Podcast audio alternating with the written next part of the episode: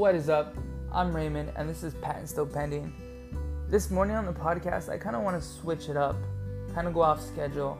I want to talk about women inventors. Um, I was talking to a friend of mine, and I was trying to encourage her to join like Facebook groups and um, go on Facebook pages for inventors. And she told me that she was kind of intimidated, and I told her, "What are you intimidated for? Like this is like a collection of people here to like help each other out. Like it's super dope." And she goes, "It's like a guy thing. It's just all guys in there. There's like no girls." And it kind of made me think and wonder like she kind of does have a point you know i had to go through my facebook page and and see a lot of them are guys so that made me curious and made me kind of want to research why and it comes to show that there are um, better women that have there are inventors that are women that came up with a whole bunch of cool things uh, some everyday items that women invented were like the dishwasher windscreen wipers, the board game Monopoly. And there's also women that created like crazy stuff, like Mary Curie, I think her la- her name is. I probably botched that, but she came up with the theory of radioactivity. Grace Hopper, she did like the computer. So there are some major players that are women in the inventor game. Now, I kind of wanted to know what kind of the percentage was, the difference. So this is what I found out. That women inventors account for just 13% of patent applications globally. That's according to the study by the UK Intellectual Property Office, the IPO. 13%. That's so little. You know what that is? That's one female inventor for every seven males. I think that's ridiculous.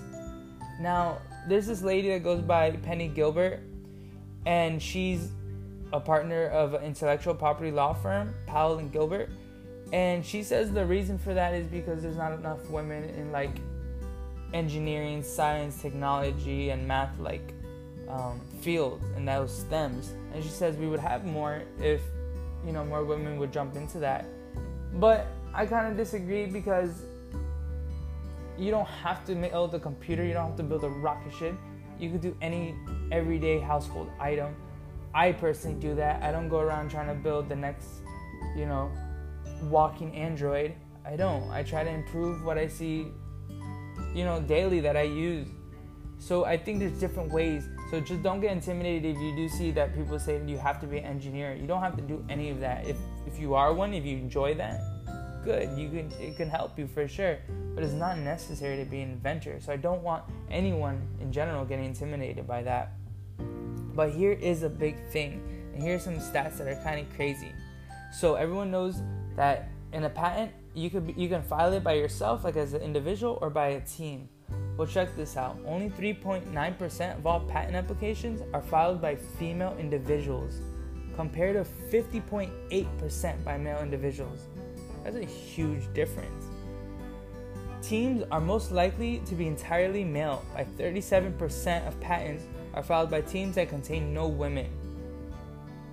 That means that all female teams are virtually non existent, and that's at a 0.3% of applications. Crazy, right? Now, the mixed teams of men and women account for about 8%. But, ladies, group together. You guys are a force to be reckoned with. Make some killer patents, but represent. I I can't help it. Like you, it's those numbers suck. And it says according, it says that by 2070 there should be it should be a more equal playing field. But that is way too long. We don't have that time. Invent now. Start working on ideas now. It doesn't matter your gender, age, color, any of that idea, a good idea is a good idea, and if it can help people, then it's gonna help people. Now, there was a, a study called Why Do Women Inventors Win Fewer Patents? And in this study, these group of individuals found out that there is bias. They said that they went through the so the research team analyzed the treatment of inventors by examining the history of millions of patent applications, and they also used census data to identify if whether the application the applicant was a male or female.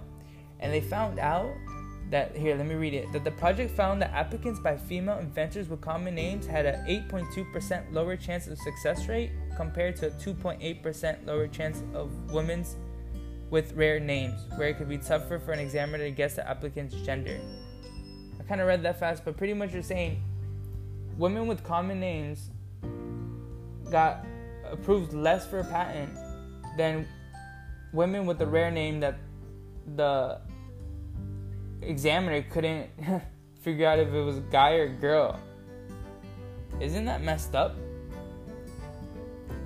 So, a biased role could definitely be one of the reasons that are, you know, stopping women from creating more patents. It's possible that workplace discrimination could definitely be impacting female inventors. So, it is a big problem that we have right now. And I don't think that women should be intimidated by this. I say keep moving forward. If you want to use a fake name, a pseudo name, do that. I don't know. you probably can't because it's it's um government document and stuff. But point is, don't let anyone stop you. Don't let anything stop you from doing what you want to do, from creating an amazing idea. You can do it. We can all do it.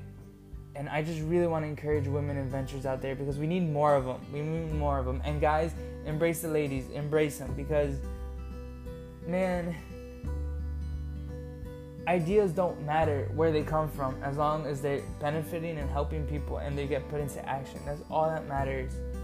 So I'm really hoping things can change up faster. I'm a huge advocate for women inventors and I really kind of want to start pushing that subject more and kind of encouraging because my goal is I want to encourage more inventors just generally in the world, right? Because imagine how fast our planet will improve if instead of all the athletes and actors and singers as amazing as cool as I love them as amazing they are Imagine if they were all inventors. That process that the world would change will speed up tremendously. So,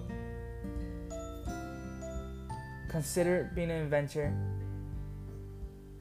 I encourage women to be an inventor. I encourage anyone to be an inventor. I push for any type of creativity.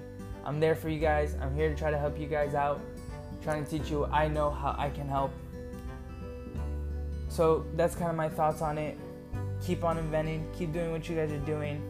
I'm Raymond, and this is Patent Still Pending.